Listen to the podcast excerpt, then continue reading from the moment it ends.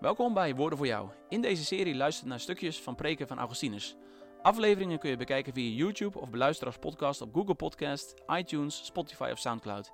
Ik ben Geert de Korte en leuk dat je de moeite neemt om te kijken of te luisteren.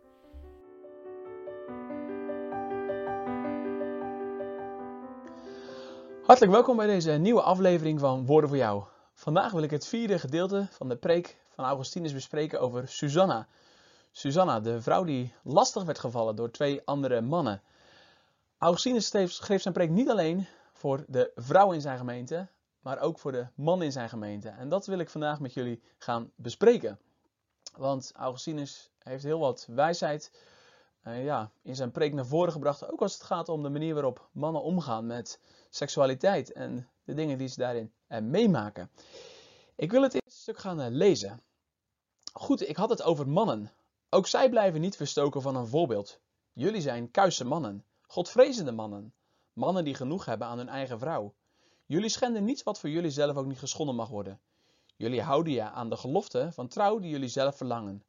Ook jullie moeten, ik breng het in herinnering, kijken naar een schouwspel zoals jullie vrouwen dat voor ogen hadden toen de lector voorlas. De Heilige Schrift heeft ook jullie niet zonder voorbeeld gelaten. De vrouwen hoorden het verhaal van Susanna en vierden samen met haar de overwinning. Jullie moeten naar Jozef kijken. Nee, niet die Jozef met wie de maagd Maria was verloofd. Die Christus heeft gebaard. Die Jozef werd inderdaad op de proef gesteld door een verdenking, maar werd daar door een engel gauw van genezen. De Heilige Schrift getuigt van een andere Jozef. En die werd op de proef gesteld door een schaamteloze vrouw. Ze hield van zijn schoonheid. Ze was niet kuis, maar verdorven. Ze had niet het soort ogen waarmee je innerlijke, onzichtbare schoonheid kunt zien. Ze hield van zijn schoonheid, niet van zijn kuisheid. Ze hield van iemand die toebehoorde aan iemand anders, de slaaf van haar man. Maar hield zij van de man die trouw bleef aan zijn meester? Of hield ze misschien meer van hem dan van zichzelf? Niet van hem. Want als ze van hem hield, waarom wilde ze hem dan te gronden richten? Hiermee heb ik bewezen dat zij niet van hem hield. Ze brandde door het gif van de hartstocht. Ze straalde niet het vuur van de liefde uit. Maar hij kon zien wat zij niet kon zien. Van binnen was hij mooier dan aan de buitenkant. Het licht van zijn hart was mooier dan de huid van zijn lichaam. Waar de ogen van de vrouw niet konden doordringen, daar genoot hij van zijn eigen schoonheid. Hij keek naar de innerlijke schoonheid van zijn kuisheid. Zou hij het toelaten dat hij ooit werd bevlekt, ooit werd geschonden door de verleidingen van die vrouw? Zij had lief, maar hij had ook lief. En wat hij lief had, was groter dan wat zij lief had, want hij zag wat zij niet kon zien. Ja, Augustinus noemt hier het voorbeeld voor de mannen het voorbeeld van Jozef. Jozef die aan het hof van, uh, van de, het huis van Potifar werkte. En daar werd verleid door de vrouw van uh, Potifar. En hij gebruikt daar een heel ja, sterk voorbeeld bij. En hij analyseert dat denk ik ook heel scherp. Want waar ging het deze vrouw eigenlijk om? Ging het haar om Jozef? Nou, Augustinus laat wel zien, dat klopt niet. Als het daar echt om Jozef was gegaan, dan had ze niet voor gezorgd dat hij in de gevangenis terecht was gekomen. Nee, het ging haar om iets anders. Het ging haar om de hartstocht, de seksuele verlangens.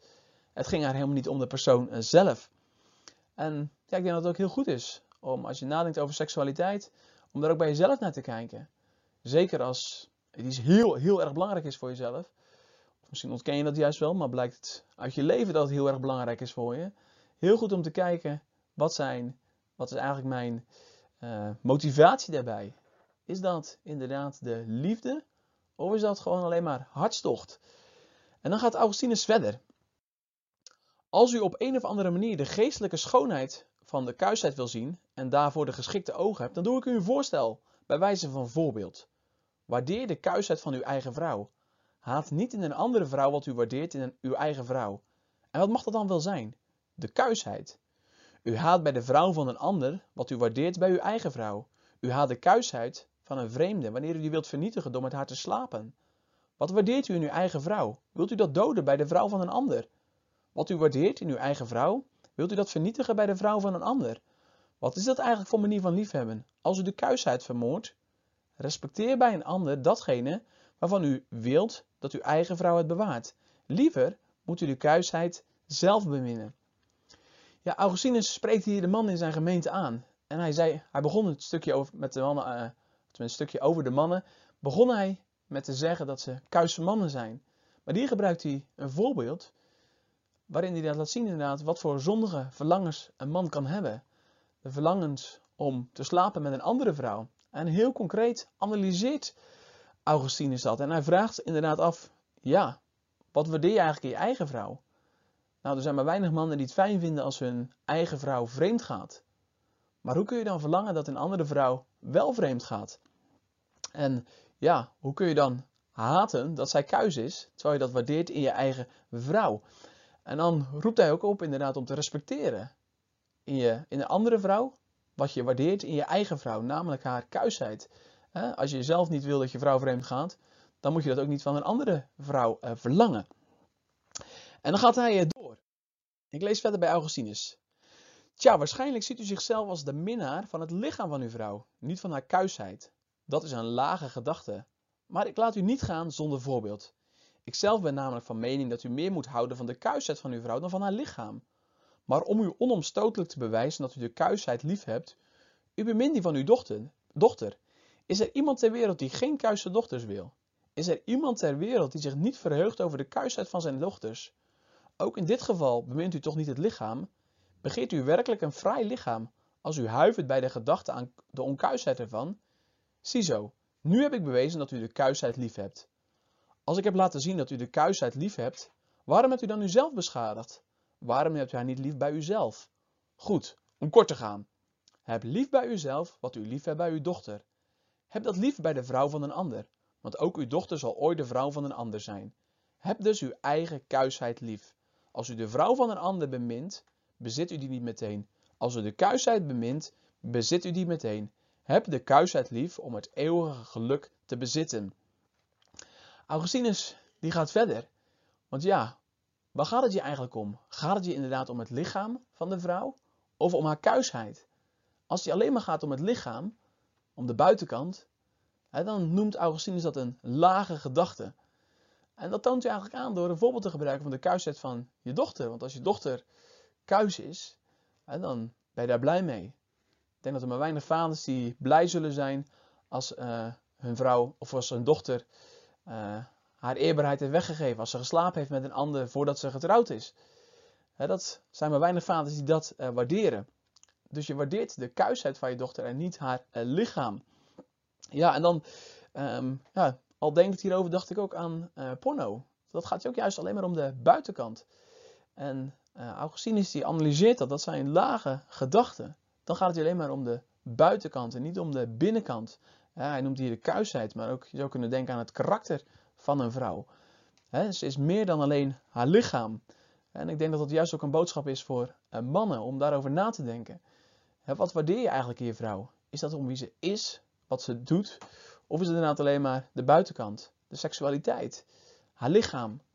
dan is het goed om heel kritisch in de spiegel te kijken en je ook af te vragen.